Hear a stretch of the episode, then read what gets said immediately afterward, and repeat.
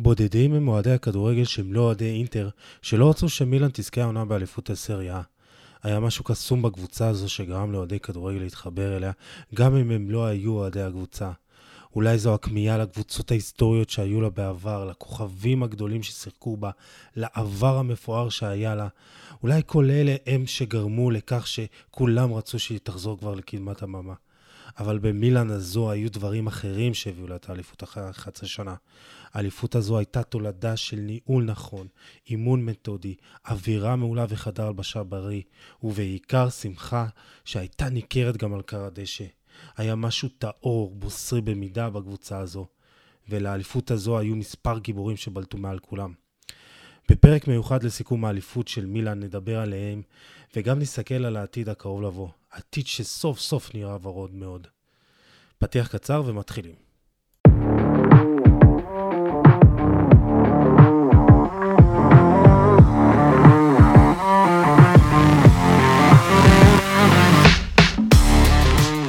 ברוכים הבאים לפרק ה-116 של חולה על כדורגל הפודקאסט, והיום אנחנו מסכמים את האליפות המדהימה הזו של מילאן. יועד עידן איתנו, רועה צרוף של הקבוצה, גיל כנל כמובן, ואנוכי יוסי עדני, הכנו לכם פרק אליפות. אהלן חברים, מה העניינים? בסדר, בסדר גמור. אני חושב שמגיע ליועד כל, ה... כל הברכות שבעולם. אה, מילאן, האימפריה, האימפריה חזרה במלוא תפארתה ומלוא גדולתה. אה, והאמת שזה טוב לכדורגל האיטלקי. לגמרי, אז אה, יועד, אה, מברוק, אנחנו... מה העניינים? תודה רבה יוסי, כיף להיות פה.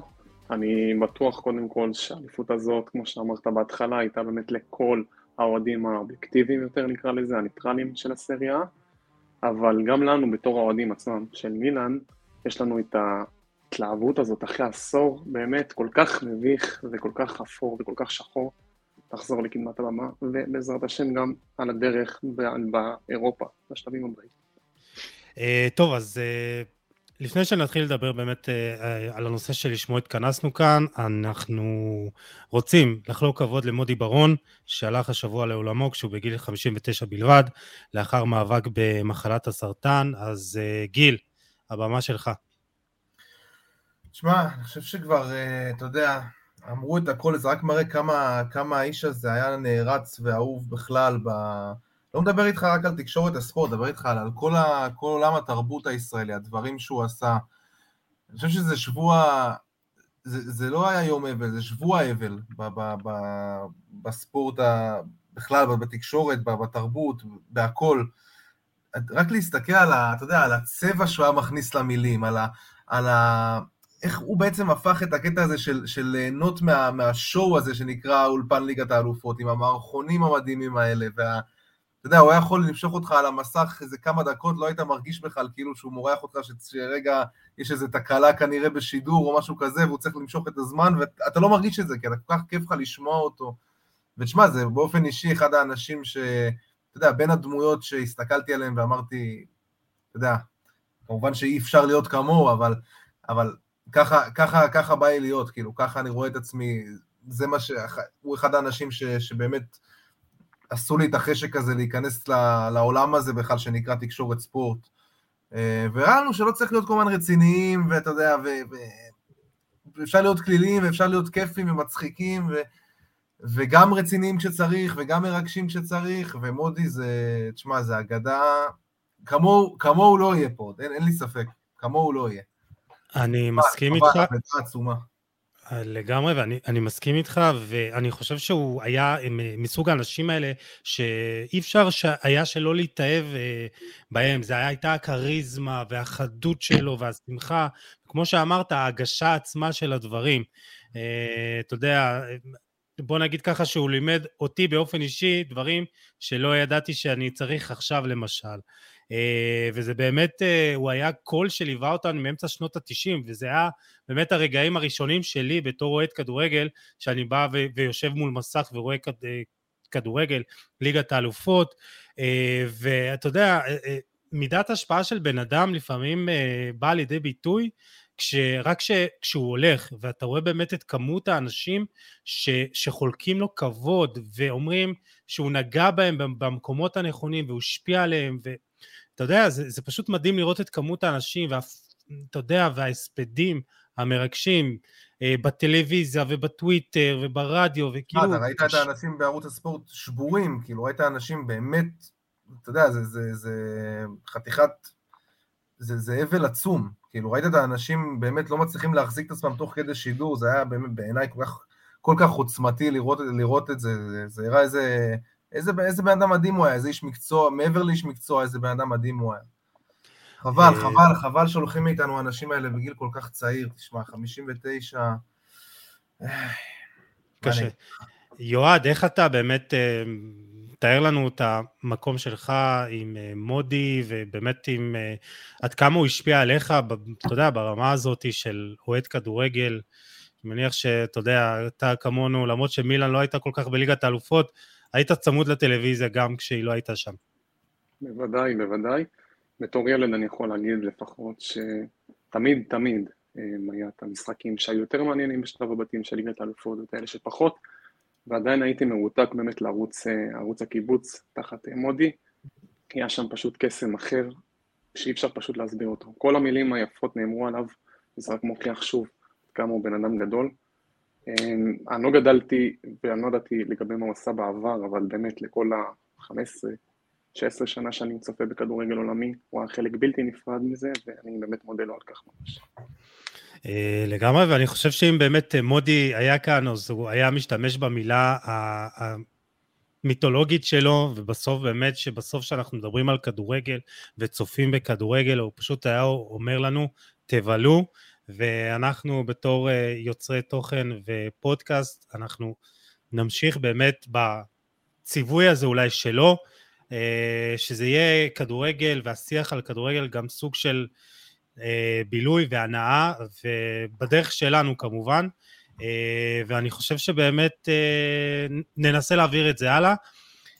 במעבר חד, כמו שאומרים, אנחנו באמת התכנסנו כאן לפרק סיכום אליפות של מילאן, ויועד, אתה בתור אוהד מילאן 11 שנה, די שכונות, 11 שנה מאז האליפות האחרונה, אה, ועוד נדבר באמת על אה, איך באמת הגיעה האליפות הזאת, אבל בוא תנסה לתמצת לנו את זה באיזה כמה משפטים על התקופה הזאת, וזו תקופה בהחלט כאילו לא קלה. להצביע באמת על נקודת אה, מפנה שבעצם הורידה את כל האימפריה באדום שחור ללמטה, אני לא אוכל להצביע עם כיוון שזה נעשה באמצעות הזנחה במשך כמה שנים עם אה, ברנסקולוני ב, ב, בעשור הקודם, יותר נכון לומר. אה, זה התחיל עם מכירת קקה והמשיך למכירת אה, כוכבים נוספים כמו תיאגו סילבה וזלטן לפריס סן ג'רמן, ואז הגיעה שנה שמילאנו עלתה לליגת אלופות ומשם זה בעצם הידרדר עד השנים האחרונות. התחושה הייתה ממש רעה, אני חייב להודות. זה תחושות שאתה קם בבוקר ואתה, קשה לך להאמין באיזשהו מקום ש, שבעונה הזאת תהיה משהו אחר, שביום הזה נראה אמ, שינוי ממועדון אה, באמת אפור ומשעמם, ופשוט זה היה סבל לעיניים, סבל בתור אוהד, אבל עם זאת, תמיד ידענו בתור אוהדי מילון שיש לנו מועדון גדול ביד. וזה באמת אולי עיקר האמונה ש... שנאחזנו בה, שתמיד יכול לבוא מישהו ולהושיט אותנו קדימה לאיפה שמגיע לנו, לאיפה שאנחנו ראויים לו, ואני שמח שזה קרה בסוף. אתה אבל באמת, באמת האמנת, יועד, שזה יקרה, אתה יודע, בפרק זמן כזה, כי אני, אתה יודע, הסתכלתי עליכם, הסתכלתי עליכם כל השנים, אני אוהד יובנטוס, אם, אם אה, לא ידעת. השנים השכונות של, שלכם כן. היו השנים המפוארות של יובה, כן. תשמע, זה, זה היה באמת להסתכל עליהם, ובאיזשהו מקום גם, אתה יודע, באיזשהו מקום קצת, קצת אה, מעורר רחמים. זאת אומרת, אתה יודע, אנחנו אלופים תשע שנים, אה, ואנחנו. עכשיו אני מרגיש כמוך. חכה, חכה, יש לך עוד הרבה, יש לך עוד הרבה זמן להרגיש ככה, אבל סתם, אני צוחק, תהנה מכל רגע, אבל זה היה להסתכל על מינה ולראות מה, באמת לחשוב, לחשוב עם עצמך מה, מה יושיע את המועדון הזה, כאילו, מה יחזיר אותו באמת לגדולה שלו, מועדון שעדיין, אתה יודע, עדיין למזלכם ליברפול הפסידה בגמר ואתם עדיין מקום שני אחרי ריאל מדריד כקבוצה שזכתה, כאילו אם מוציאים את ריאל מדריד אתם עדיין הקבוצה שזכתה הכי הרבה פעמים בליגת האלופות. כאילו, זה מטורף. זאת מילאן, כאילו, זה, זה, תבין כמה, כמה עוצמות יש למועדון הזה. אה, ושוב, גם בשבילי, בתור בתור אוהד יובנטוס זה היה, אתה יודע, זה שאנחנו כבר לא, לא בתמונה בכלל זה סיפור עצוב אחר, אבל אם כבר אנחנו לא בתמונה, אה, אז לראות אתכם חוגגים ולא, ולא את המרדות. אבל אתה, אתה האמנת שזה, שזה מה שיהיה? מתי התחלת להאמין שזה כאילו, שזה הולך לשם? אם זה השנה, אם זה העונה, זה כמובן המשחק הגדול על אינטר בדרבי. כן, אבל נצביע על משחקים, אבל מתי הבנת שהמועדון בכיוון טוב בכלל? זה התרחש מהאמצע של חזרת עונת 2019-2020, בעצם היה סוג של הפסקה כל כך גדולה בגלל הקורונה, ואז מילאן שם חזרה ברצף של ניצחונות מדהים, כולל 4-2 על יובנטוס, אני מאמין שאתה זוכר את המשחק הזה. ואז משם באמת משהו, באמת, משהו בלתי יאומן, מילאן פשוט שינתה גישה בתפיסה שלה, בסגנון משחק, משהו התחבר, ושנה לאחר מכן כבר השגנו את המקום השני.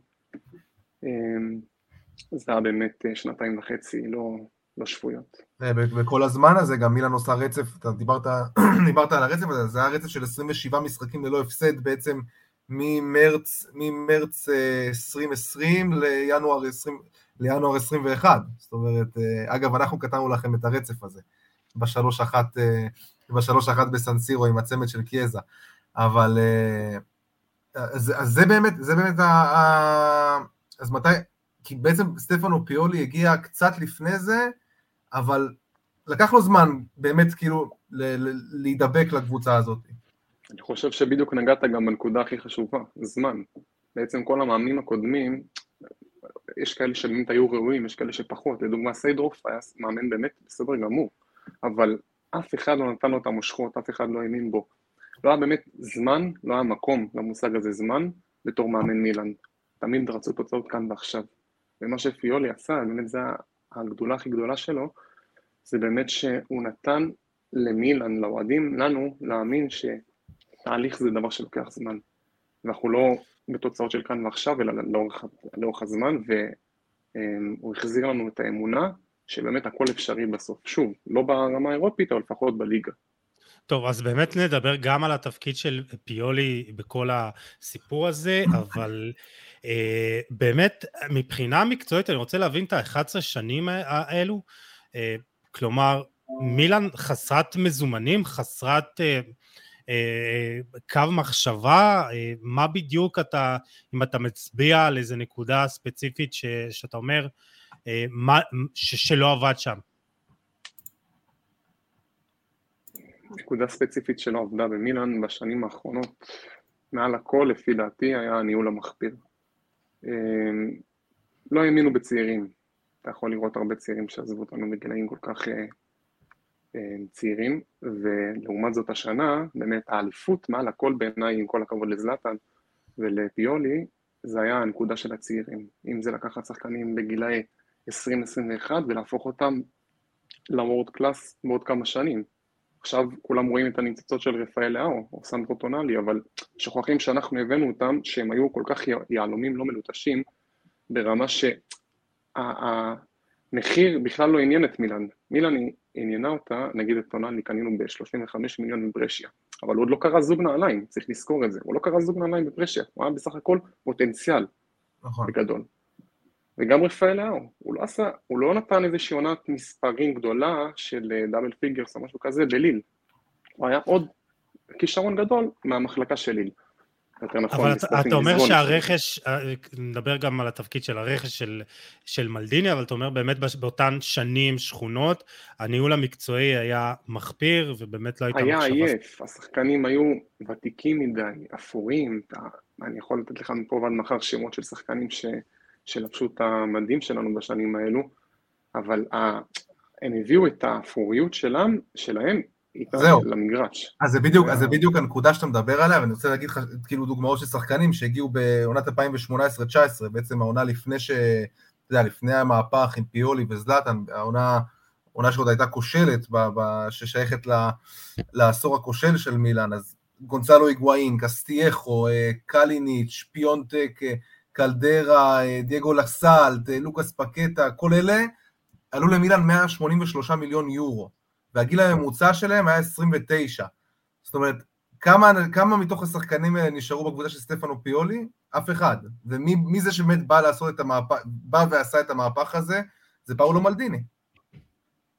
לגמרי, כל התשבוכות מגיעות לו.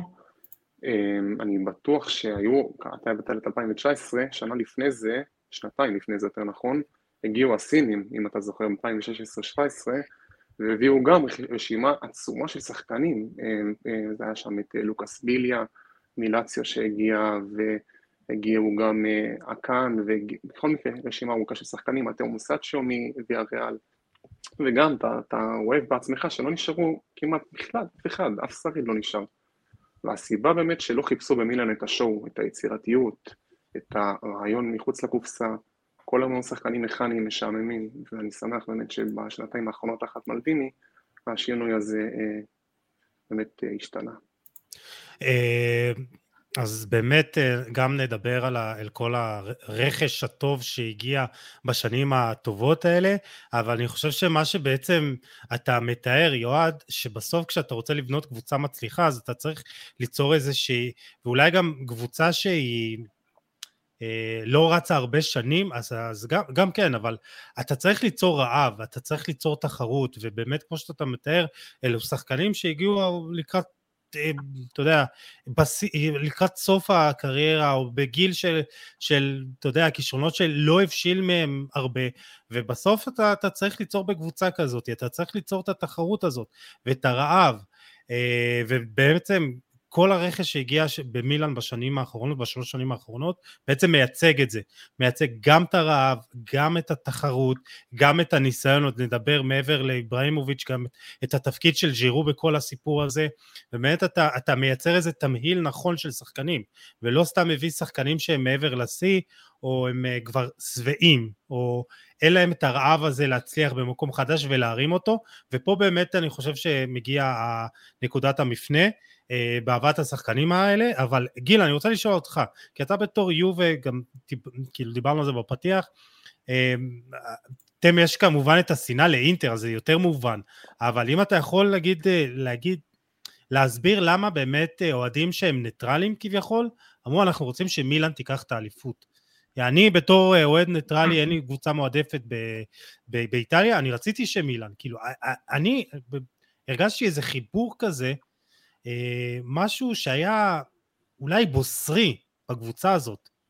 אני, אני, יכול לחלק, אני, אני, אני יכול לחלק לך את התשובה הזאת לשתיים, כי אתה יודע, יש אנשים ש, שהם באמת שרואים את השם מילאן, והם לא באמת כאילו כל כך עוקבים אחרי הכדורגל האיטלקי, ולא באמת כל כך מכירים את השחקנים, ואת פיולי, ואת העבודה שנעשית שם בשנתיים וחצי, בשנתיים וחצי האחרונות. אני חושב האנשים האלה, הם מתחברים למילאן כשם הזה, כמילאן, מה שדיברנו, הקבוצה הזאת, ש, שאם אתה מוציא את ריאל, היא זכתה הכי הרבה פעמים בליגת האלופות, הגרנדה מילאן עם, עם שפצ'נקו וקקה ופאולו מלדיני ו, אה, וקפו ונסטה, ואתה יודע, ופיפו אינזאגי, ואין סוף שמות, כאילו, שאני יכול להגיד לך פה, וקלרן סיידור, וגטוזו, ופירלו, ולא משנה.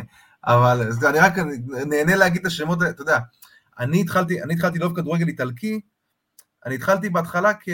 קיבלתי חולצה של יובה וחולצה של מילאן, זאת אומרת, היה לי את האפשרות לבחור כאילו מה אני מעדיף, בסופו של דבר בחרתי יובה, אבל, אבל אני יכול להגיד לך שבגמר ליגת האלופות הראשון שלי, של 2005, אז באמת, אז אני הייתי כל כולי מילאן, ו- ואני יכול להגיד לך אפילו שבכיתי וצחקו עליי בבית ספר יום אחרי זה, כאילו שמילאן הפסידה, למרות שהייתי אוהד יובנטוס כבר. לא, לא שמחתי, לא שמחתי לעד, כאילו לא, אני, אני אישית לא זוכר את השמחה לעד כל כך בין, בין, מהצד שלנו למילאן לפחות, תמיד זה היה יותר לאינטר. אה, ואני חושב שאינטר מייצגת משהו אחר בכדורגל האיטלקי. אינטר הכניסה את הקטע של זרים, אינטר תמיד הייתה קבוצה שמשחקת עם, עם עשרה, אחד עשר זרים, זאת אומרת, אה, ת, תמיד הייתה ככה, זה אינטרנציונלי, זה כאילו, זה, זאת הקבוצה, הקבוצה הראשונה שהביאה זרים. אה, מילאן מייצגת משהו אחר, היא מייצגת איזשהו, איזשהו, איזשהו אייקון ב, בכדורגל האיטלקי, ומי שאוהב כדורגל איטלקי גם מתחבר לדבר הזה, זה, זה סוג של היסטוריה. אה, אני חושב, ש, אני חושב שמשם באמת זה בא, אתה יודע, הרצון הזה שמילן, שאם, שאם מישהי תהיה איתנו שם בתחרות, זאת תהיה מילן, זאת לא תהיה אינטר. אה, אתה רואה את זה, יועד, איך אתה רואה את זה, בתור רואה את הקבוצה? קודם כל אני חייב להסכים איתו, בגלל שהוא אמר, הוא העלה פה נקודה על האינטרנציונל, באמת הבינלאומי, זה המוטו שלהם, וזה הם באמת התאפיינו לאורך כל השנים. אפילו החמש אליפויות שהגיעו לפני התשע של יובה, אם תשים לב, גמר ליגת אלופות לא להם איטלקי אחד בהרכב. נכון. גם האליפות שלפני זה עם זלאטן, שלושה אליפות ברצף. בכל מקרה, אז באמת אינטר זה הדבר שאפיין אותם. מילאן, היום לפחות, אני יכול להעיד על כך שיש באמת מהפכה אמיתית של הצעירים, זה כבר כולם שמו לב, אבל גם באיטלקים. זאת אומרת, מילאן לא מחפשת לקנות רק את הכוכבים העולים מספורטינג ליזמון, מליל, מכל קבוצה או נבחרת אחרת, של הכדורגלנים הצרפתים, או לא משנה מה, אלא גם דווקא מהאיטלקים, אם זה הסנדרו טונאלי ואם זה דוד קלבריה, שהוא גם השקיעו בו מגיל מאוד מאוד צעיר. עכשיו אינטר גם, לדעתי לפחות, עושה חלק ומנסה. כן, נכון, עם ברלה ועם בסטוני, וכן. בדיוק, בדיוק, ולפני שנתיים היה להם את, בהתקפה את החלוץ הצעיר, שכחתי את השם שלו. פינמונטי, ש... לא פינמונטי, זהו, אז היה את הפינמונטי והיה את החלוץ השני שעלה לבכורה בליגת האלופות מול דורטמונד. בכל מקרה, אז באמת אינטר גם מנסה לשנות את הגישה, עכשיו יש להם גם את ארמיאן, ו... זה לא נגמר, אבל החיפוש אחר איטלקים הוא לא תמיד נכון, ככה אני חושב לפחות. זאת אומרת שאם יש שחקן שיותר ראוי להיות בעמדה, אין, אין בכלל שאלה. יובנטוס גם בדרך הזאתי, אבל גם, שוב צריך לשים את הכלים ב... לראות באמת מה הכי נכון עבורה. לדוגמה, פדריקו קיאזה. זהו, אז, יובנטוס, מנסה לשמור על, המותג שלה בקטע הזה, אתה, אתה שם לב שכאילו כל שם איטלקי גדול, שיש בשוק, אם זה קיאזה, אם זה לוקטלי, אם זה ברנרדסקי בזמנו, אם זה עכשיו רספדורי שמדברים עליו, כל שם גדול, כאילו כל מעבר גדול של איטלקי בתוך הסריה, אז קודם כל יובנטוס שם כדי לשים את הסכום הכי גדול, וקודם כל שהוא לא יהיה אצל מילאן ואינטר, קודם כל לשמור על הסטטוס קוו הזה של אנחנו מביאים את הכוכבים האיטלקים הכי גדולים. לגמרי, לגמרי, אני חושב, ככה גם. אבל עושה רושם שגם מילאן עכשיו הולכת בדרך הזאת, כאילו. כן, כן, למרות שמילאן יותר, כמו שאמרנו בהתחלה, צעירים דווקא גם ממחלקות אה, ממדינות שונות ואחרות. אה, אני בטוח שיובנטוס, התהליך שהיא עושה הוא מאוד מאוד אה, נכון, כך אני לפחות רואה את זה, אבל הוא לא של כאן ועכשיו, זאת אומרת, אלגרי אולי רוצה תארים, בסופו של דבר זה מאמן של תארים, ויובנטוס זה מועדון ששואף לתארים כל עונה, אבל כל השחקנים שהגיעו, אם זה פלגריני שיש להם את המגן השמאלי האיטלקי ולוקטלי שהגיע בקיץ האחרון. צריכים לתת להם זמן, עוד שנה, עוד שנתיים להשתפשף. כן, אתה מפיח קצת תקווה בגיל.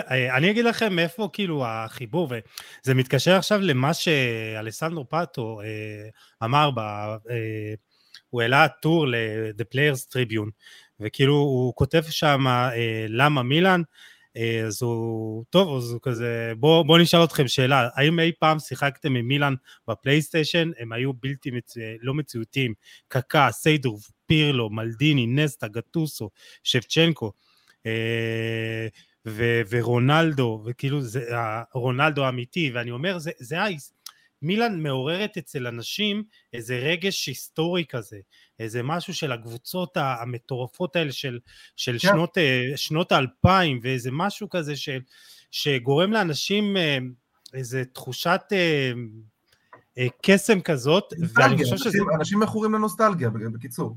בדיוק, וזה באמת הסיבה אולי שיותר אנשים התחברו, הרבה יותר אנשים התחברו למילאן וגם שמחו ורצו שהם יהיו אה, אלופים, אה, אבל בואו נתקדם בעצם, כן, להווה. כן, להווה.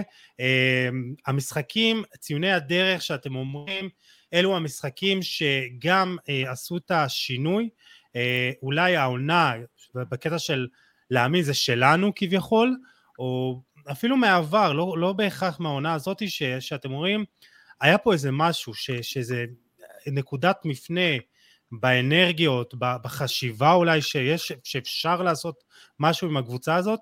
יועד, נתחיל איתך. אני רק רוצה, רק שנייה אחת לפני שאני אענה על זה, אני רק רוצה להיזכר, רוצה לומר לכם שנזכרתי בשחקן שבאמת היה מאינטר חלוץ הצעיר, זה אספוסיטו. אספוסיטו. הוא כבר, היום משחק בבאזל, אגב. אה, מעולה. מעולה שהזכרת את זה. לא, אוקיי, הוא באמת היה עליו תודעה כל כך גדולה, ובאמת הוא נעלם קצת בשנה וחצי האחרונות, אז חבל, אז זה באמת רק מוכיח שלא כל איטלקי באמת יכול לעשות את הפריצת, אה, את הפריצה, את הדבר הבא. טוב, כן, משחק. זהו, אם אני צריך להצביע באמת על משחק אחד, זה הניצחון על אינטר בדרבי האחרון, 2-1. אה, בנוסף לזה, הייתי גם שם את הניצחון על אציו בדקה האחרונה, 3-2 שער של טונאלי. זה הניצחון ש, של רוח, של, של לחימה, של נחישות, של התמדה, של עבודה קשה, זה באמת מה שהוביל את הניצחון. ואגב, היה בדיוק ניצחון זה מול אציו גם שנה שעברה, בתוספת הזמן עם שער של תאו. אז גם תאו הרננדס וגם טונאלי זה כל כך באמת מאפיין את מילאן החדשה, מילאן שלא נשברת, מילאן שלא מרימה ידיים כל כך בקלות, אני חושב שזה השתי ניצחונות הגדולים ביותר של מילאן העונה. לקח לך, גיל. שני הניצחונות, שני הניצחונות האלה, נשבע לך שגם אני רשמתי אותם פה מולי בעין, אבל אתה יודע, יש, בכל זאת, אני חושב שהיו גם עוד רגעים, אתה, אתה דיברת מקודם, הזכרת נקודה יפה, את ה-4-2, את ה-4-2 על יו, ואני חושב שזה גם באיזשהו מקום, אתה יודע, שבר, שבר, איזשהו, שבר איזשהו מחסום אצל מילאן בכל הקטע של להתמודד מול יובנטוס. אני רוצה לקחת אותך לעוד משחק שבעיניי הוא היה מאוד משמעותי, שהיה יותר בתחילת העונה, אם אתה זוכר אותו, נגד ורונה, מחזור שמיני, אה, באמת מילאן בפיגור, אה, שלו, בפיגור 2-0 נגד ורונה מחצית ראשונה, שוורונה קבוצה מאוד מאוד קשה, כל מי שעוקב ורואה ליגה איטלקית יודע כמה הקבוצה הזאת היא סיוט, לא, לא פחות מ... אתה יודע, אתה בא אליה לא, לא פחות לחוץ ממשחק נגד אה, כל קבוצה גדולה, נגד כל קבוצה גדולה אחרת, ואתה יודע, ורונה באה ומובילה 2-0 בסנסירו מחצית, ואני זוכר, ראיתי את המשחק הזה, מילן באמת נראתה איום ונורא.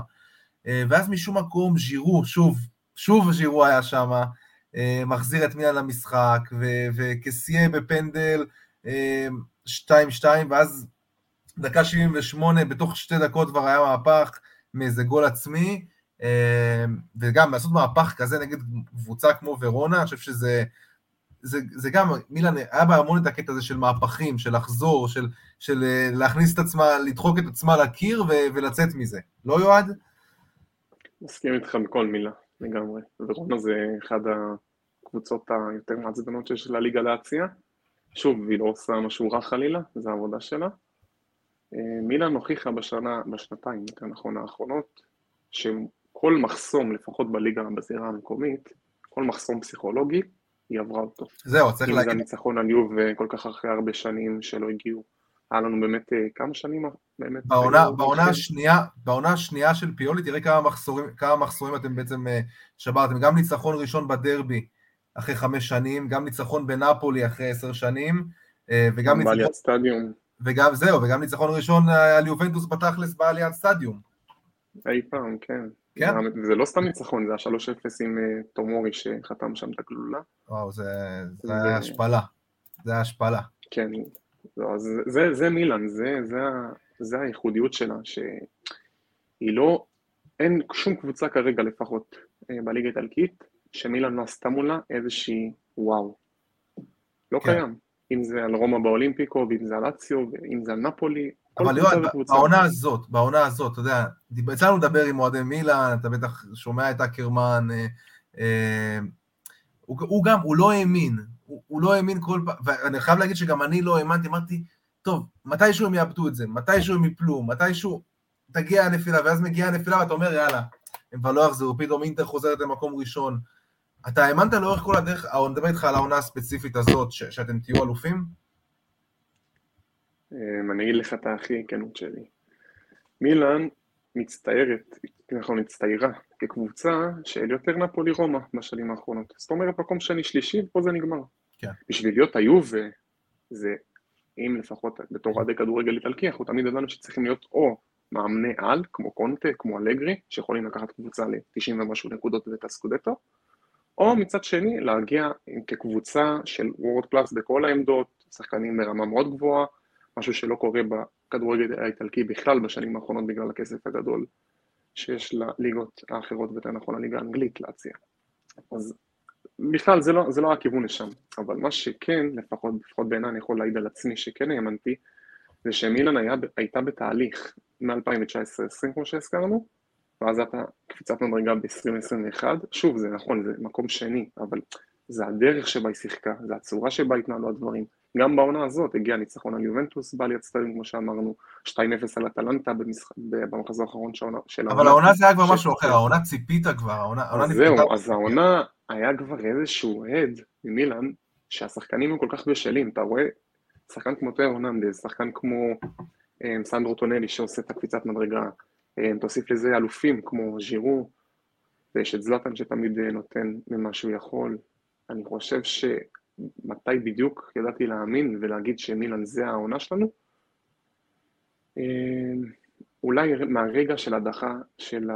מליגת האלופות, ככה אני חושב לפחות. מרגע ההדחה של מילן בליגת האלופות בשלב הבתים, ובעצם במילים אחרות גם אי טורניר אירופי כלשהו, זה באמת מה שגרם לי להאמין לפחות, שמילן יכולה לעשות את זה.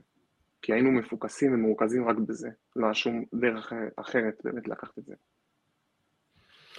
אני, אני אקח אתכם דווקא למשחק בליגת האלופות. אה, גם, אתה יודע, הניצחון הזה על אה, אתלטיקו, מדריד פתאום, בחוץ, 1-0, זה משחקים שאתה אומר, בואנה, אין הרבה, אה, כל כך, מגרש אולי אחד הקשים שיש באירופה, ומילן מצליחה באמת לנצח בו,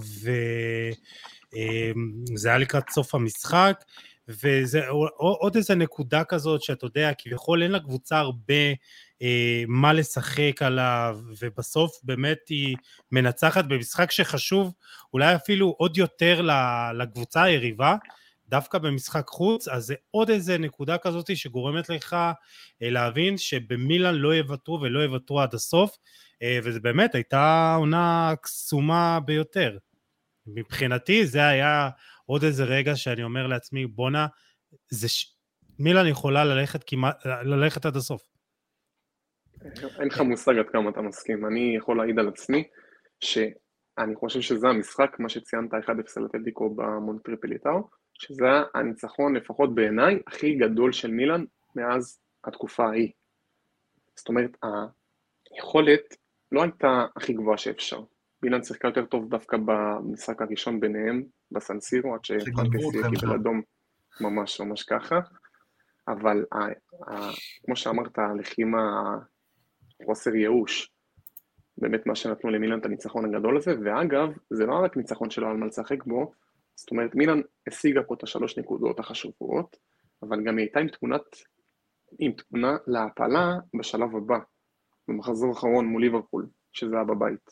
אבל uh, אני שמח שהדברים יתגלגלו ככה, כי אני באמת לא חושב שאם מילן הייתה מעפילה לשמינית גמר ליגת אלופות או לחלופין ל-32 האחרונות של הליגה האירופית, אני לא חושב שמילן הייתה זוכה באליפות, מכיוון שלמילן אין לה עוד את הסגל באמת לשלב בין שתי החזיתות, אולי השנה זה יקרה.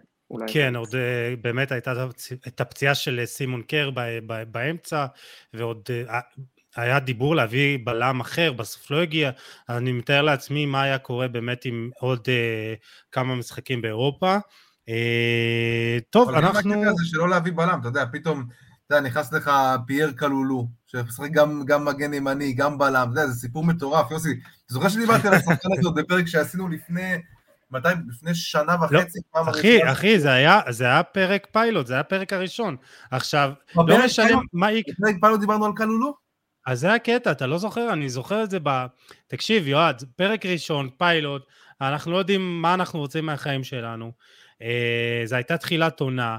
ומילן שם הייתה, פתאום שמו איזה ילד צרפתי שאין לי מושג מה... וגיל אומר בואנה, פייר כללו, ואתה יודע, אני לעד אזכור את הבן אדם הזה. לא משנה מה הוא יעשה בקריירה, אתה יודע. כאילו, הייתי שחקן, כן, נכנס עם ביטחון, אתה יודע, הגיע בכלום כסף מהאקדמיה, מהאקדמיה של ליאון, ילד אז היה בן... היה עוד לא, בן, עוד לא בן 20 לדעתי, עולה לשחק, מילן הייתה במצוקת בלמים מטורפת. אה, ומשחק אחרי זה הוא גם כבש, משחק, אם אני לא טועה, משחק אחרי זה הוא גם כבש כבר שער, אה, ופתאום השחקן הזה, אתה רואה אותו גם, אה, גם מבחינת נתונים, הוא השחקן שעוצר הכי הרבה דריבלים שבאים מולו בסריה A, באחוזים, זאת אומרת, זה פתאום כאילו, כאילו כשהכול הולך, הכל הולך, זה, זה ממש ככה. אז זהו, אני חושב שזה גם אחד השחקנים שאולי מייצרים את הקסם בקבוצה הזאת, כי זה, אתה יודע, גיבורים לא צפויים, ש, שאתה אומר, בואנה, איך שחקן שאתה מביא בחינם אה, מאיזה, אתה יודע, שאין לו איזה ניסיון בוגרים, בסוף אה, מגיע ו, ונכנס להרכב, לא משנה אם תשים אותו מגן ימין או בלם, הוא ייתן את המקסימום, אה, וזה עוד שחקן שאני אגיד לך עכשיו, הנה ג'וניור מסיאס כזה, תמיד כשאתה תצטרך אותו אז הוא יעשה לך את הדריבל וייתן לך את השער, אלו, אלו גיבורים כאלה של... גם הסיפור שלהם, וזה מתקשר לי למה שאמרתי מקודם על הרעב, אלה שחקנים שהם רוצים, רוצים לשחק ורוצים, יש להם איזה משהו אקסטרה, אבל זה לא מספיק, ופה גם נכנסת העבודה של פיולי בזה שהוא מקדם שחקנים, ותחשבו באמת על כל השחקנים שפה באמת היו גיבורים באליפות הזאתי, הם השתפרו, וכמו שאמרת יועד, הם לא באו כוכבים. פיולי והקבוצה וכולם עשו אותם כוכבים. גם פיולי, גם פיולי נהיה כוכב, ב, ב, כוכב בהתהוות, זאת אומרת, הוא גם, הוא גם לא בכוכב, הוא גם בא ממקום של אנטרדוג, הוא גם בא ממקום בעצמו, שכבר, אתה יודע, הוא כבר רגל וחצי בחוץ, כבר מינו את רלף רנגניק שהיה אמור להיות אה, כן, זה, נ... ש, זה שידו בכל, ו, ופתאום, אה, אז בוא נבוא לדבר כבר על פיולי, לא? אה, את האמת אני רוצה דווקא לדבר, נתחיל מלמעלה, אוקיי? מבחינת, אה, ברשותך גיל, אה, כי אני חושב שזה באמת, זה, זה, זה, זה גם, בסוף הוא הגיע ראשון, וכאילו הוא, ה, פאולו מלדיני, אגדת מועדון, שדרך אגב, אתמול היה תשע שנים, נכון? לא, 13 אה, שנה, יותר. סליחה, מה, 13 שנה, מ-2009, כן, אה, להופעה האחרונה שלו בקריירה, הופעה 902 שלו בקריירה. לא אה, אתה לא תשכח את המשחק הזה? לא, כן. זה היה מול פיורנטינה בארטימו פרנקי, מילאן שיחקו עם חולצות חוץ, ואני גם לא אשכח את זה בגלל שזה גם באמת הייתה הופעה אחרונה של קקה בקדנציה הראשונה שלו, רגע לפני שהוא נמכר לריאל. זה משחק היסטורי, אתה אומר. ממש. Uh, טוב, אז פאולו מלדיני, אוגוסט 2018, אחרי שקבוצת אליוט הופכת להיות הבעלים של המועדון, והיום כבר לא, אבל uh, הוא מתמנה לאחראי אסטרטגיית ספורט ופיתוח ביוני 2019, uh, אה, בהחלטה מבורכת כל כך, הוא מגיע והופך להיות מנהל טכני במקומו של ליאונרדו, אני חושב שזה באמת אולי אחת ההחלטות המאוד uh, משמעותיות. אה, וחלון העברות של קיץ 2019 הופך להיות משמעותי בטירוף. אה, רפאל לאו מגיע מליל תמורת 23 מיליון אירו, תאו אורננדס מריאל מדריד תמורת 20, אסמאעיל בן נאסר מאמפולי תמורת 16 מיליון, ואפילו ראדה קרוניץ', הפועל השחור בקישור, מגיע מאמפולי תמורת 8.6 מיליון, אה, וגם רביץ' שמגיע בהשאלה מפרנקפורט. זה היה קיץ, יועד, תסכים איתי, של קיץ מאוד משמעותי. זה היה קיץ עם סימן שאלה ענק, ממש גדול. למה? כי מילאן עוד פעם, עוד פעם לא הצליחה להגיע לליגת אלופות, שזה באמת היה המוטו של המועדון בשנים האחרונות שקדמו להם. כל פעם להגיע, להשיג את המקום הרביעי, להשיג את הכרטיס לליגת אלופות, באמת משם לבנות ומשם לגלגל הלאה. אמ, זה היה קיץ מאוד, מאוד אה, מוזר מבחינת השחקנים, כי עד עכשיו עד אותה עונה הכוונה, מילאן הביאה תמיד איזשהו שחקן גדול, אחד לפחות. זאת אומרת, היה להם את בונוצ'י ב-2018, משהו שלא הצליח. וב-2019 הייתי גואין. הסטוץ עם אה, בונוצ'י, נקרא לזה ככה. ממש. ובאמת, מילאן לא אמרה פה על שום שחקן גדול. היא הביאה שחקנים צעירים עם רעב ורצון להצליח. וזה אולי באמת מה שבנה את מילאן להגיע לאן שהגיע היום. אבל דווקא, זה כאילו דווקא מהמקום שכאילו, לא נראה לי ש, שמלדיני אתה יודע, כיוון למקום שנמצאים בו היום. זאת אומרת, הוא אמר, כמו שאתה אומר, להגיע לליגת האלופות קודם כל, להתבסס חזרה כמועדון צמרת בכדורגל האיטלקי, אבל לפעמים כשאתה, אתה יודע, כשאתה לא, כשאתה לא מתכוון, כאילו פוגע לך. ממש ככה. אף אחד לא האמין שבאמת כל כך קצר יהיה התהליך, ככה אני חושב, מאז שהוא נכנס למועדון. אפילו בעצמו, לפי דעתי. אבל אתה אומר ש, שסוף סוף באמת הייתה פה מחשבה לעתיד, לא להביא איזה כוכב גדול, איזה שם גדול, לא להביא איזה מישהו בן 20, אה, אתה יודע, 28-29 כזה, אולי שבע מדי או משהו בסגנון. היה, הייתה מחשבה להביא את השחקנים רגע לפני הפריצה שלהם, ואני חושב שכביכול, אה, מילה העלתה בנקודה ב... ב, ב בבנייה שלה שהיא לא קבוצה שיכולה לפרוץ בשנייה. איזה קבוצה שצריכה לעבור איזה תהליך מסוים, וזה בדיוק השחקנים שהיו צריכים להגיע באותה נקודה, לא שחקנים שהם כבר פרצו או משהו בסגנון, אלא שחקנים שיעשו את התהליך עם הקבוצה ביחד. אה, וביחד עם המאמן הנכון, שנדבר עליו עוד שנייה, אה, באמת יעשו את הפריצה הזאת. אבל השאלה, השאלה שלי זה גם מי, מי עומד מאחורי, אתה יודע, את כל זה בנה פאולו מלדיני, אני חושב. גולת הכותרת פה זה שמילן באמת וזה דווקא לא מתאים לבעלים אמריקאים לפי, לפי האג'נדה שלהם, להחזיר איזה מישהו שהיה, אתה יודע, אגדת מועדון, ופחות רואים את, ה, את הפן הזה, אתה יודע, ב, ב, בספורט, ה, בספורט האמריקאי. זאת אומרת, להביא מישהו, פתאום לשים בראש אגדת מועדון, להבין שאנחנו צריכים פה את פאולו מלדיני, מי, מי עומד מאחורי המהלך הזה? זאת אומרת, איך זה קורה פתאום? כי הוא, רוב השנים, תקן אותי אם אתה היה די בצד, זאת אומרת, הוא לא, לא כל כך היה בכדורגל. לא רק לא, לא היה בכדורגל, הוא גם לא רצה להגיע למילאן. הרבה מאוד ניסו להביא אותו, אם זה הסינים 2017, ואם זה קצת לפני זה, ואם אחרי זה. הוא לא רצה להגיע מהסיבה הפשוטה, הוא לא האמין בפרויקט. הוא לא רצה לקחת חלק בהתנהלות של מילאן החובבנית, יש לומר, באותם שנים, ובאמת ליצור משהו איתם, כי הוא ידע שזה לא המקום שלו, והוא ידע שהוא לא יכול להביא את הדברים של, כי לא, שלו. כי לא, ייתנו, כי לא לו לעבוד, לא ייתנו לו בעצם לעשות את ה... בדיוק, נכון, ושוב, מלדיני לא הביא שחקנים בסכומים כל כך גדולים, הנה אמרת בעצמך, יוסי, רפאל לאו 23 מיליון ותיאור ננדס ב-20 מיליון, אבל תיאור ננדס שיחק בריאל סוסיודד שהבאנו אותו, בהשאלה כמובן מריאל מדריד, הוא לא היה עוד איזה שם גדול, ואותו דבר רפאל לאו, הוא לא היה שם גדול בליל.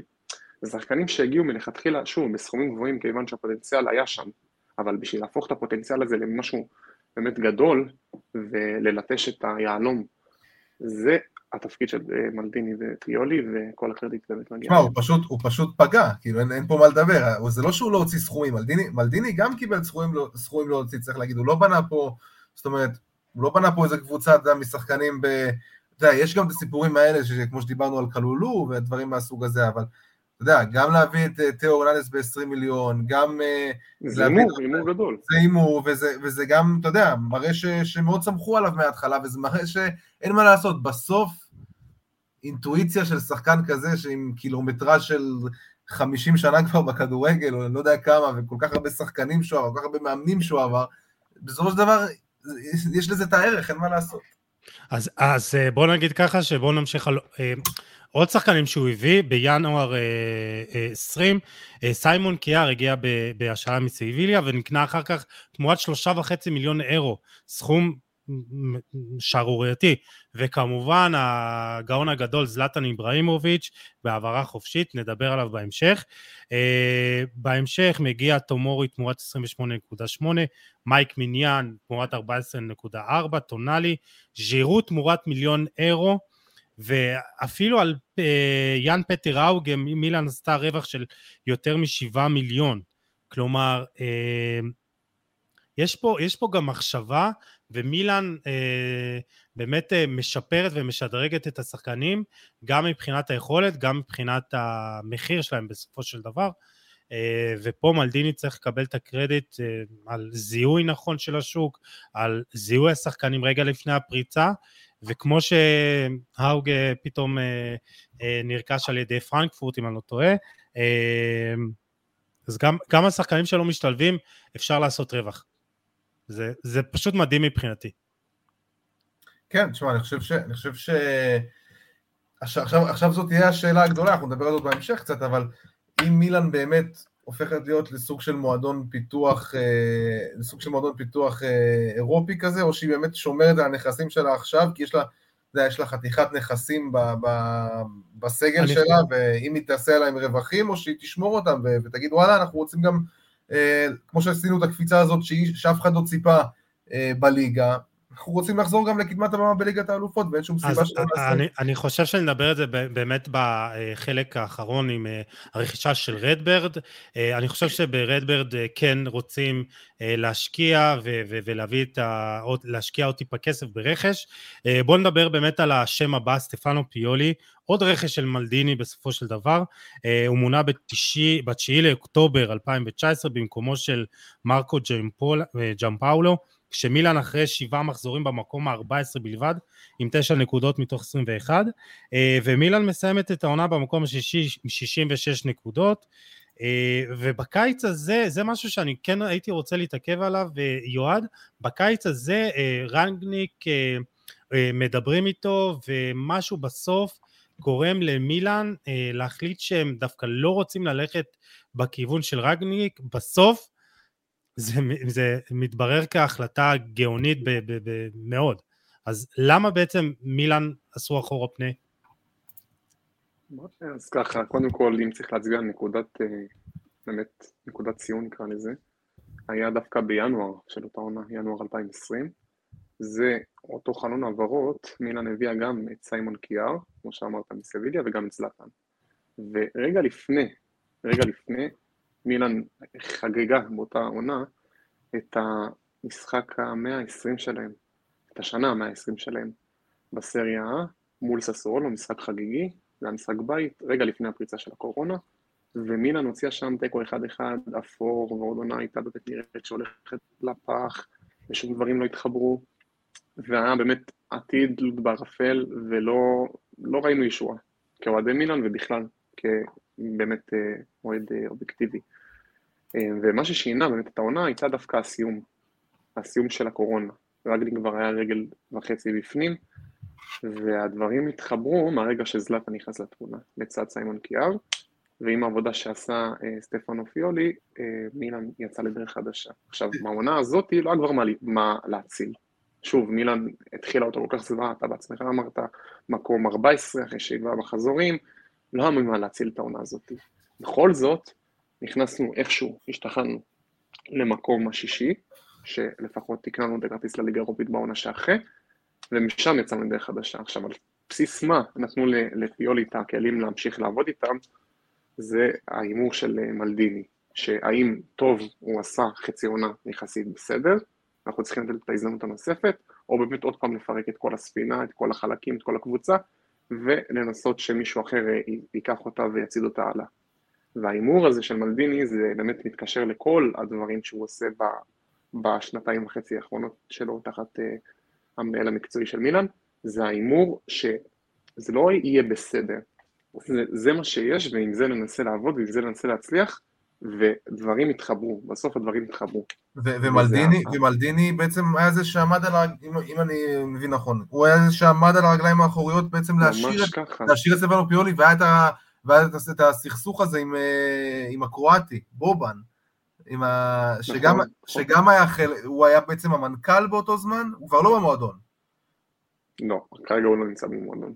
כן, והיה שם איזה סכסוך ביניהם, אם אני לא טועה, על הרקע הזה, ש, שהוא רצה להשאיר את uh, רנגניק, ומלדיני בעצם רצה... מלדיני אמר שאם רנגניק מגיע הוא, בחוץ. כן. מלדיני נשאר על שלו, וזה הסתדר לכולם.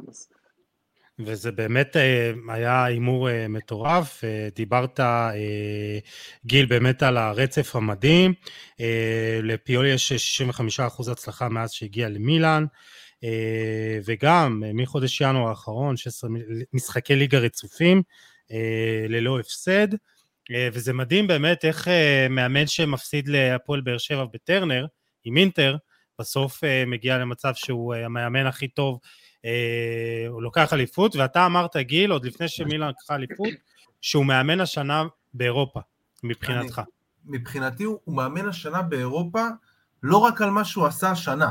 זאת אומרת, זה על התהליך הזה שהוא עשה עם הקבוצה הזאת, על לקחת קבוצה שהיא לא הכי טובה בליגה שלה, בסגל שהוא, בסגל שהוא מקום רביעי בשווי שלו בסריה A, מתחת ליו ואינטר, ו...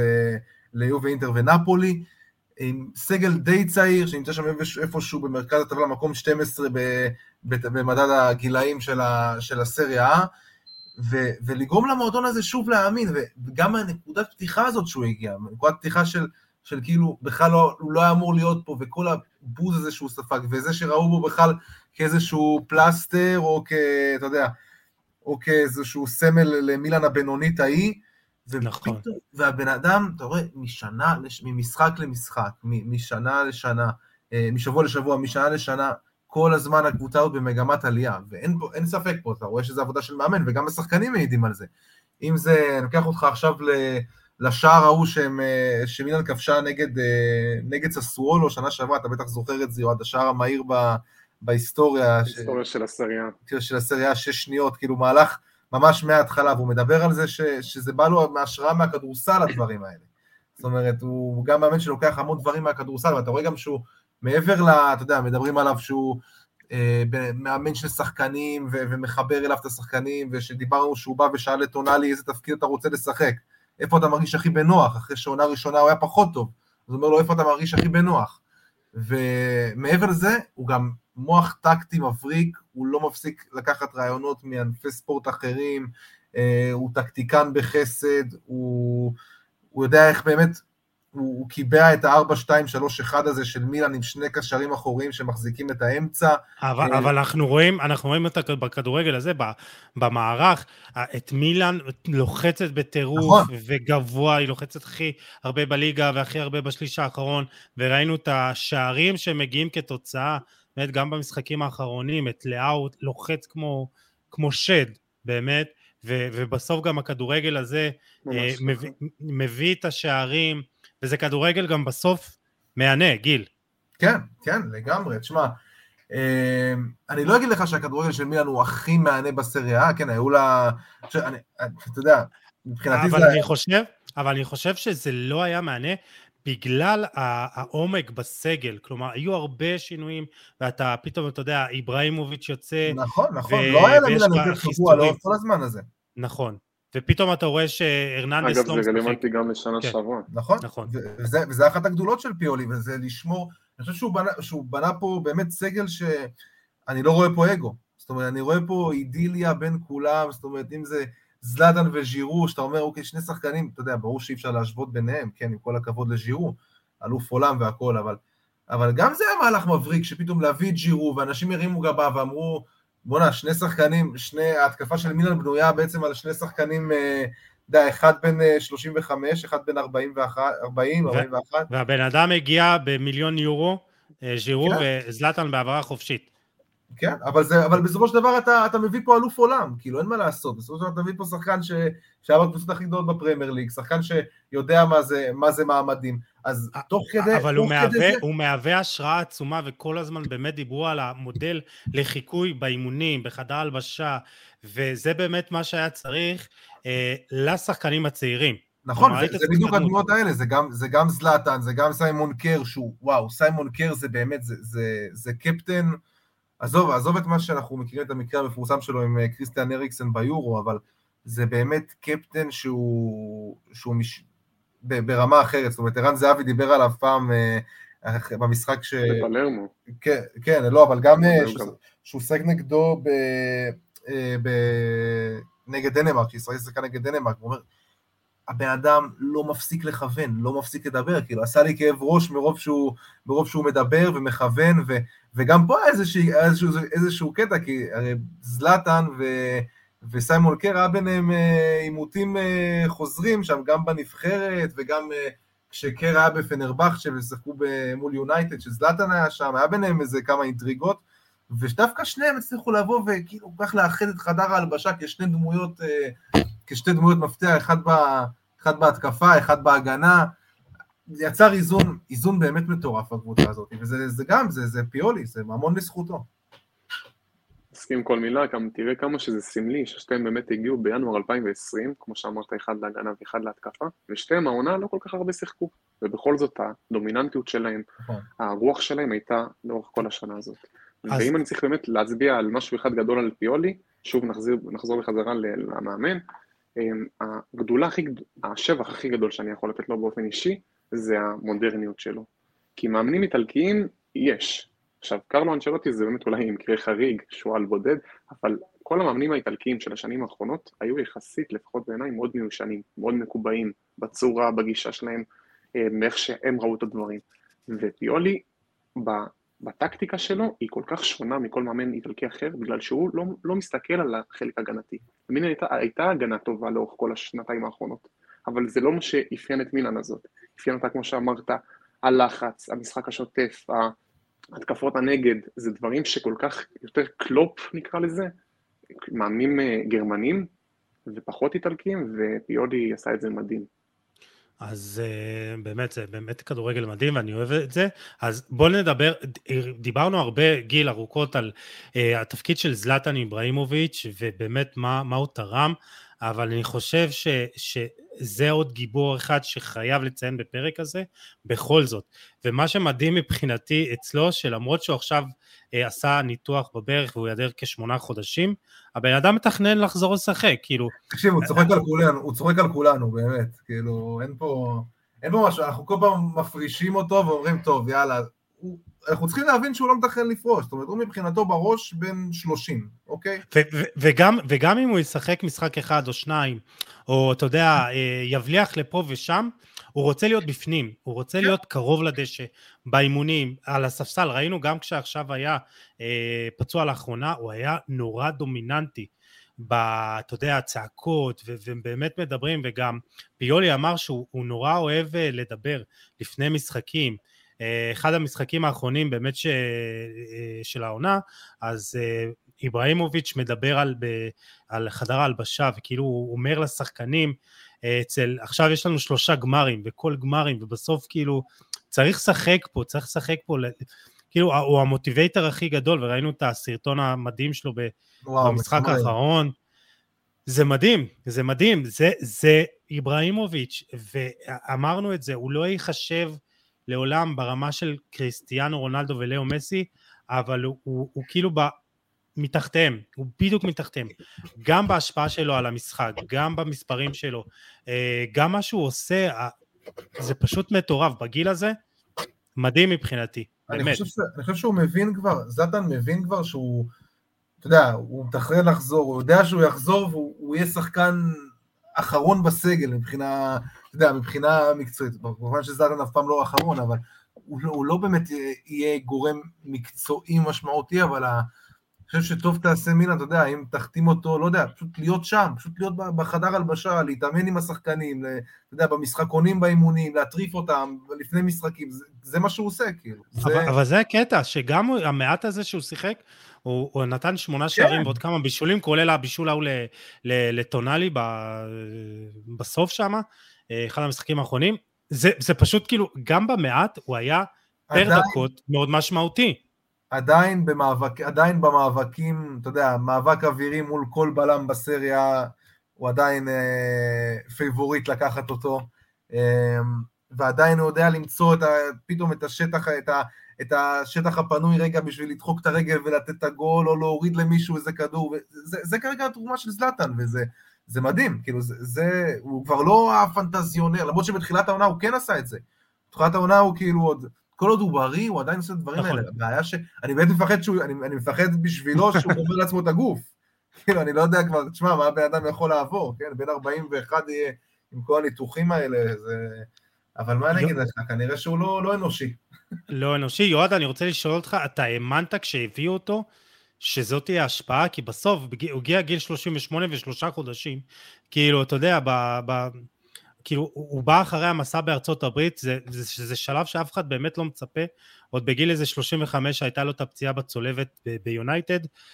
אתה האמנת, כאילו, מה חשבת כשהביאו אותו?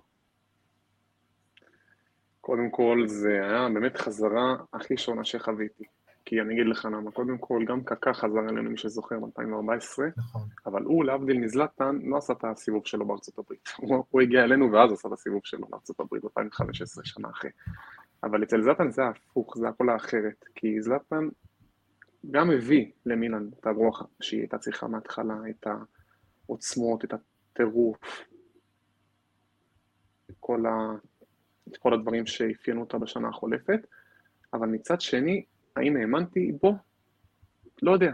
כי הוא הגיע בגיל נורא בעייתי, עם פציעות חוזרות ונשנות. הוא גם הגיע לנו פצוע, צריך לזכור. לקח לו איזה חודש, חודשיים רק לשחק. ראיתם בזה יותר, הוא חתם במילאן, ראיתם בזה יותר אחרי חודש הוא באמת נכנס לעניינים. ראיתם בזה יותר גימיק בהגעה שלו? זאת אומרת, לא, אני באופן אישי לא ראיתי גימיק, אבל כן ראיתי את הצד המוטיבות, כאילו, באמת כמו שאמרתם, את העניין היותר אה, פחות מקצועי על הדשא. חשבת שמה שהוא עשה- שמה שהוא עשה עכשיו בחצי שנה האחרונה זה מה שיהיה מההתחלה, זאת אומרת, לא ציפית שהוא ייתן את המספרים האלה. בדיוק, ממש ככה, ממש ככה, ודווקא שנה שעברה הוא נתן מספרים יפים, וגם השנה, שמונה שערים לחלוץ בן 41 זה לא, לא כל כך רע. בוא נזכור, בכמה, 16 הופעות, זה דברים יחסית יפים. אבל זלאטן הגדולה הכי, כמו שאמרתם, הדבר הכי גדול שאפשר להגיד על זלאטן, לפחות בשינוי גישה שלו, אה, באיזשהו מקום הוא כבר הפסיק הוא עצמו. אם בשנים הראשונות שלו הוא היה מתאפיין ב"אני ואני", זלאטן, לפחות בתקופה שלו בב- בברצלונה, באינטר, אה, גם אפילו במילאן בקדנציה הראשונה, ראינו שחקן שונה בחמש, שש שנים האחרונות, מאז שהוא הגיע ליונייטד, ב-LS גלקסי, גלקסי וגם במילאן. אמ, הוא רוצה שהקבוצה תצליח, אותו לא מעניין כלום. הוא רוצה, הוא פה בשביל הקבוצה. וזה הדבר הכי גדול שאפשר להגיד על זלאטן החדש. ואני חושב, אני חושב ש... אני חושב שהוא גם, גם אמר את זה דרך אגב, הוא אמר, הוא אמר uh, שהוא הגיע, אם הייתי פה מתחילת השנה, מילן הייתה אלופה, אתה יודע, וצחקו עליו, ואז עונה אחרי זה פתאום מקום שני, ועונה אחרי זה אה, אליפות. אני חושב שאתה יודע, כל שחקן אחר, uh, שהוא לא זלאטן, בגיל שלו ואחרי, ואחרי כל מה שהוא עבר, כל הניתוחים, אני חושב שכל שחקן אחר היה נאנק מכאבים, אני חושב שגם זלאטן נאנק מכאבים, אבל הוא לא מרגיש אותם. בגלל כל מה שהוא עבר במהלך קריירה. אולי, אולי הוא פשוט לא מראה, זה הקטע. הוא לא מראה את זה, אני בטוח שהוא נאנק מכאבים, ואתה יודע, זה, זה קשה, זה קשה, אתה כן, בן 40... אתה בן 41, וכאילו, הוא תמיד דיבר על זה שהוא, שהוא סוג של באיזשהו מקום מכור לסבל הזה, הוא מכור לקטע הזה שלא יאמינו, הוא רוצה שלא יאמינו בו, הוא רוצה שירדו עליו, הוא כאילו, הוא מביא drive אחר, הוא, הוא בן אדם, הוא בן אדם כאילו מאוד, אה, הוא די פריק, כאילו, הוא די, הוא די מוזר בקטע הזה, הוא אוהב לסבול, הוא אוהב שיורדים עליו, זה מכניס בו את ה drive באמת אבל, זאת אומרת, באמת, זה, זה לא נוגע בו בכלל, זה נוגע בו רק בקטע טוב. אה, ואני חושב שזה, זה, עכשיו הוא יעשה עוד ניתוח וזה נותן לו עוד יותר drive לחזור. זאת אומרת, רק, רק בשביל להגיד, הנה, אני פה עדיין.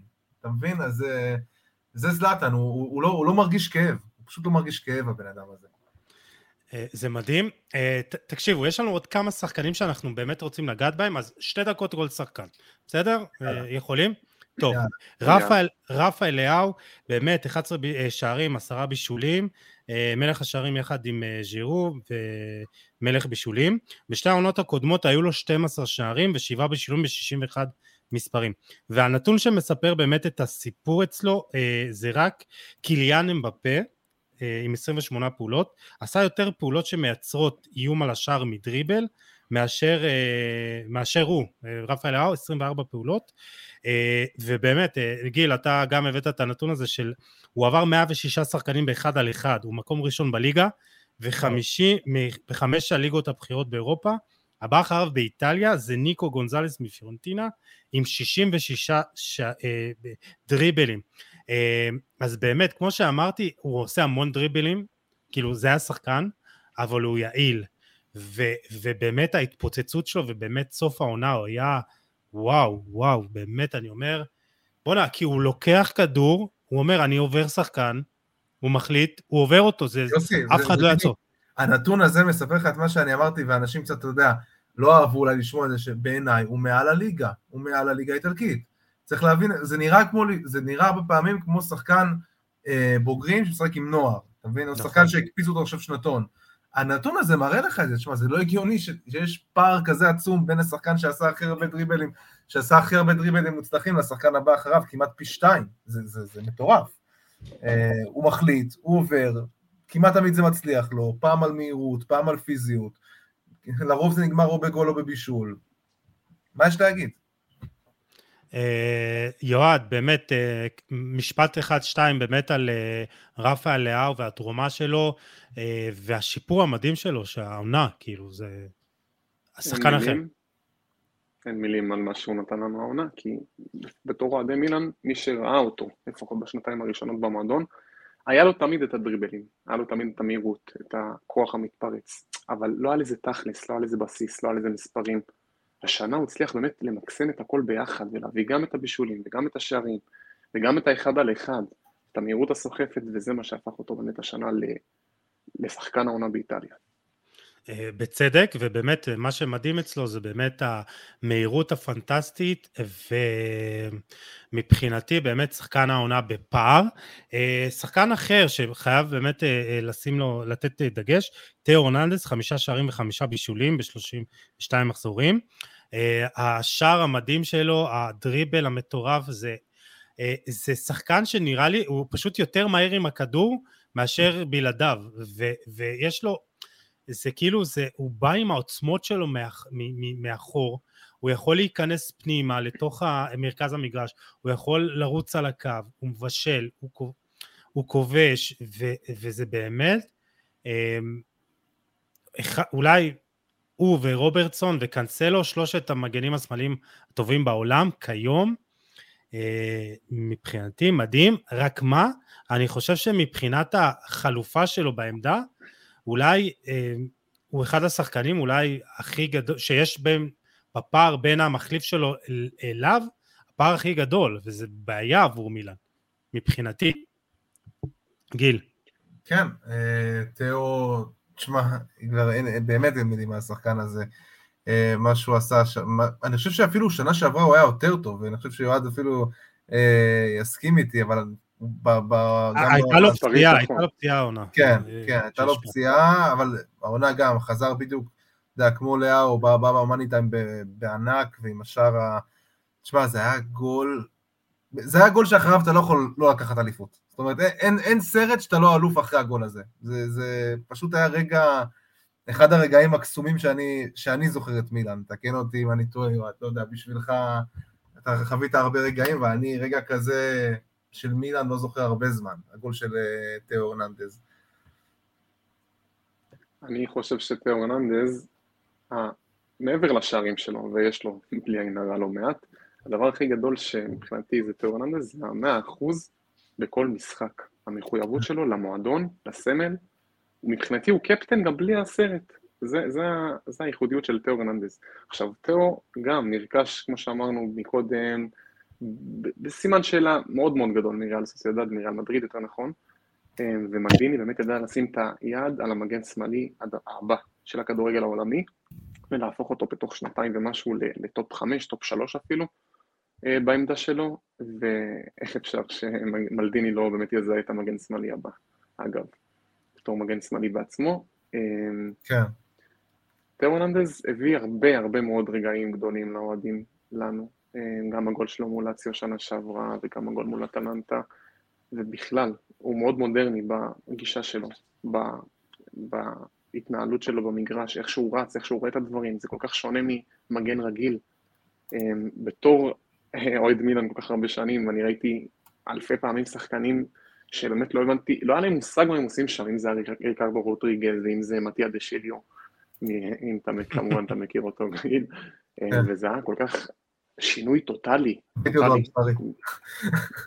ממה שראינו, זהו, אז תיאו נמדז נתן עונה גדולה, וזה מצטרף מההתחלה, הוא לא, לרגע אחד לא הייתה ירידה ברמה מבחינת תיאו נמדז. אה, אז אה, עוד, אה, עוד שם שאנחנו נדבר עליו זה מייק מיניאן השוער, ובאמת אני, עזב אתכם אלוף עולם, אלוף אירופה סליחה, ובאמת ה, היכולת הזאת להביא שוער שהוא לא פחות מבחינת ההשפעה שלו טוב מאשר דונרומה, אה, ולפגוע בול זה לא פשוט, זה באמת, זה, זה צריך הרבה מזל.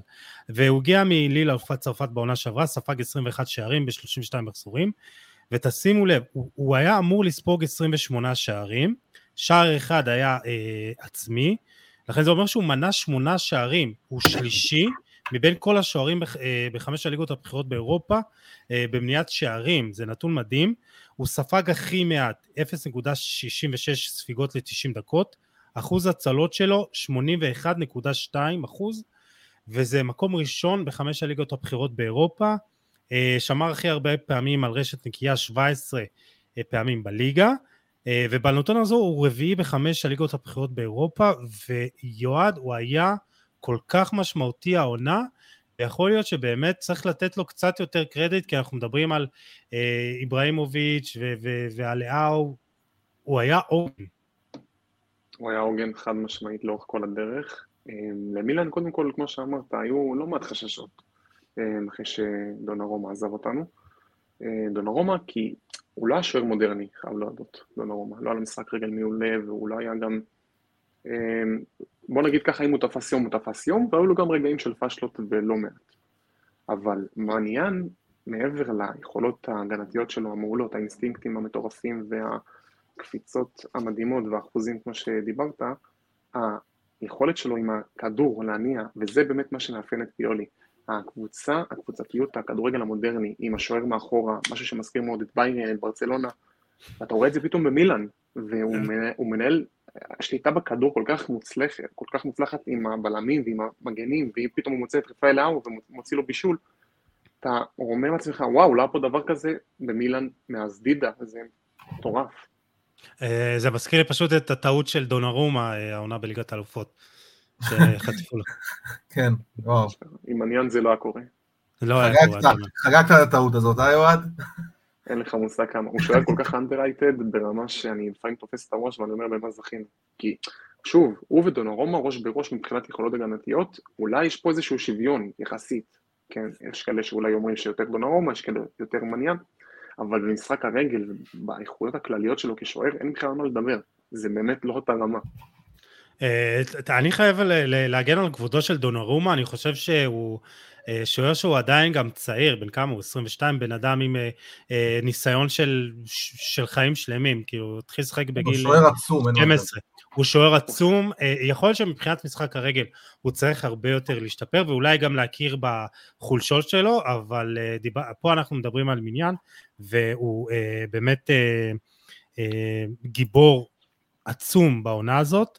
אה, הזכרנו גם את אה, אה, אוליביה ז'ירו עם הגולים וסנדרו טונאלי שהעונה באמת עשה קפיצה מדהימה, חמישה שערים והשערי ניצחון ואני חושב שבאמת העונה הוא ביסס את עצמו כאולי הקשר המוביל ובעזיבתו של פרנק אסיה אז הוא יהיה המנהיג היחידי במרכז המגרש. אה, מילה, אה, גיל, על אה, טונאלי או ז'ירו, במי אתה בוחר? על מי אתה בוחר לדבר? אני חושב שאוליביה ז'ירו, תשמע, באמת, השחקן הזה, הוא גם, הוא גם היה משמעותי עוד בעונה שעברה בשחייה של צ'לסי בליגת האלופות, אנשים שוכחים את זה, היה מאוד משמעותי. מלך השערים שלה במפעל הזה, כן. בעונה שעברה, כן. כן, כן, שחקן שאתה יודע, תמיד, תמיד ב...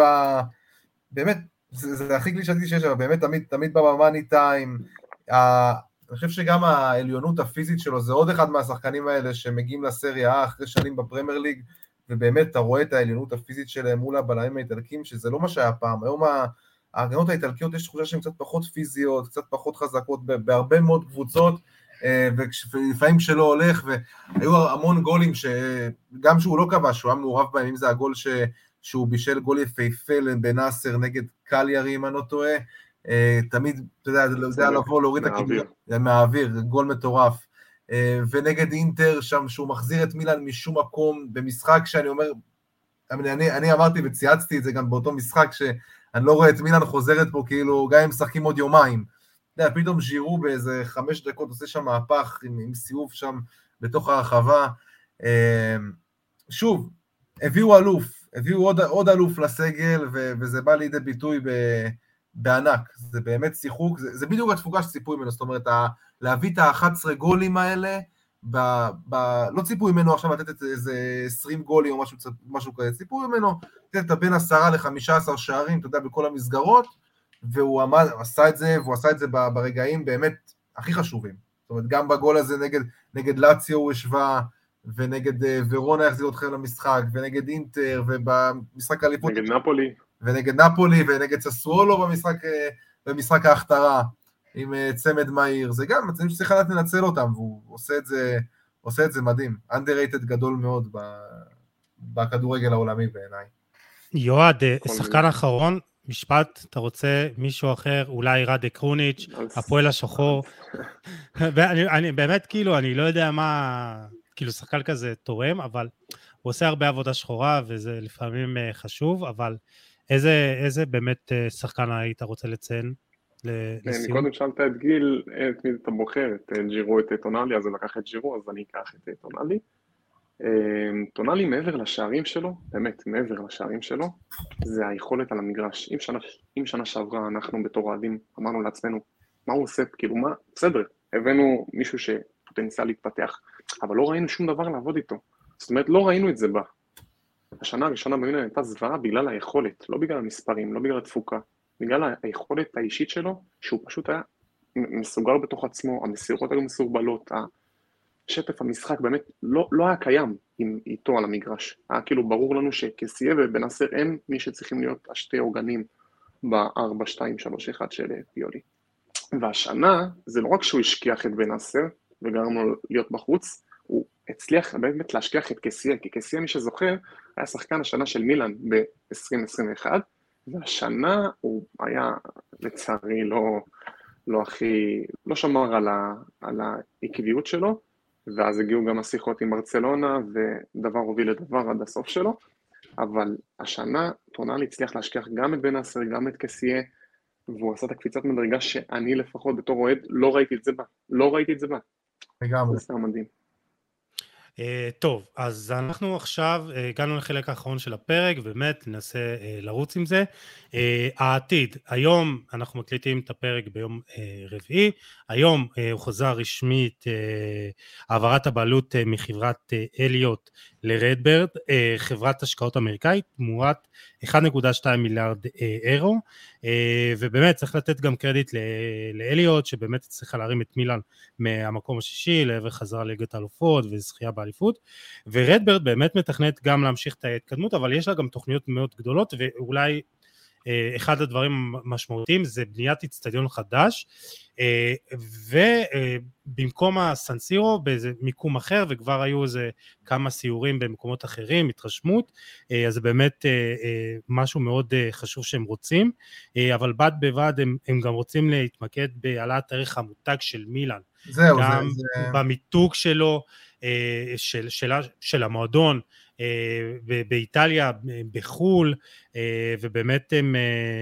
תחום, בנוסף לזה גם תחום שזקוק לשדרוג אצל מילאן, זה שימוש בטכנולוגיות מתקדמות גם לאיתור שחקנים וגם לטיפוח, וזו חברה באמת שמחזיקה גם בפרויקטים אחרים בתחום הספורט, טולוז, גיל, באמת חברה שמאוד מתמחה, כן, מאוד מתמחה כן. בדברים האלה. קראתי, קראתי עליהם. יש גם אחוזים בליברפול. כן, יש גם אחוזים בליברפול, הם עכשיו, עכשיו טולוז עלו ליגה, אה, הליגה הראשונה בצרפת. לפי מה שקראתי על החברה הזאת, אה, זו חברה שיודעת לייצר כסף מכסף, זאת אומרת, יודעת אה, בעזרת השקעות בדברים כאלה, כמו שאתה אומר, במיתוג, ביותר דברים שהם במסביב של המשחק, אבל גם בפן המקצועי, כמו שאמרת, עם ה... אה, עם אה, פלטפורמות של איסוף נתונים ודברים מהסוג הזה, יש להם אנשי מקצוע, יש, יש להם באמת אנשי מקצוע בחברה עצמה, שבאמת פועלים בכל החזיות, אם זה שיווק, אם זה, אם זה מקצועי בפן של, של פיתוח תוכנות אה, לאיתור שחקנים ודברים מהסוג הזה, יש להם, הם מתמחים בהשקעות בתחום הספורט, לא סתם כאילו חברת השקעות, מתמחה בקבוצות, בקבוצות ספורט, יש להם בבייסבול האמריקאי, זאת אומרת, הכדורגל האירופי בכלל עובר איזושהי אמריקני, אמריקניזציה כזאת בשנים האחרונות, אנחנו רואים את זה גם עם צ'לסי עכשיו שנרכשה. לא, אבל גם בסריה יש המון בעלים אמריקאים. נכון. גם בסריה. נכון. אמ, ותשמע, זה, קודם כל, אה, אני חושב שגם אה, קבוצת אליוט עשו עבודה מדהימה, אין מה להגיד, כאילו. אה, גם אגב, לא נפרדנו מהם. כן, כן, כן, הם עדיין, יש להם חלק קטן.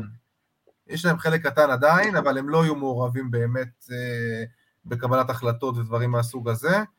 אה, שמעו ככה על איזה חלק, איזשהו חלק סמלי, אבל אני חושב ש... תשמע, בוא נראה, אם הדבר הזה באמת יצליח להחזיר, אה, להדביק בכלל בחזרה את ה... אולי בכלל את הכדורגל האיטלקי, לא רק את מילאן, זאת אומרת, לשים את הכדורגל האיטלקי שוב על המפה, רק שזה לא יהיה עם זה שתיקחו עכשיו איזה, איזה עשור של אליפויות או משהו כזה, שלא תתלהבו יותר מדי. אבל אה, אין לי ספק שזה יעשה טוב למילאן. אה, יועד, למה מה אפשר באמת לצפות ממה שנראה לך?